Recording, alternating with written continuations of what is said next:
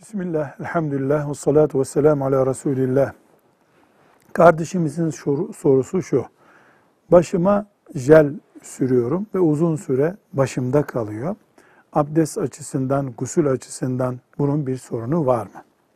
Önce bu jel hayvani ürünlere ait bir jelse ki olabiliyor. Bir de kimyasal üretilmiş olanı var. Kimyasal olanı için konuşmuş olalım. Çünkü hayvani jellerde e, haram kullan, e, mamulleri kullanılması haram olan hayvanlardan üretilme ihtimali bir risk. Necaset o, o, o necaset namaza engel olabilir. Kimyasal üretilen jellerde ise abdest için zarar olmayabilir. Abdestteki mes, gus, guslün yıkanması şartına göre biraz daha hafif alınabilir. Fakat gusülde jelin tamamen baştan giderilmesi gerekir. Çünkü jel tü- baştaki tüye ve deriye, büyük oranda deriye e, suyun ulaşmasına engel oluyor.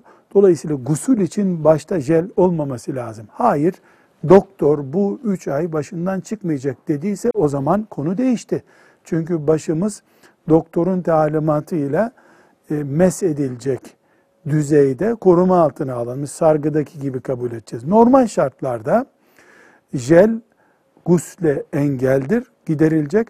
Abdeste inşallah engel değildir diyen ulemanın görüşüyle hareket edilebilir. Takva olan nedir? Başta böyle bir şeyi abdest içinde olsa bulundurmamaktır. Velhamdülillahi Rabbil Alemin.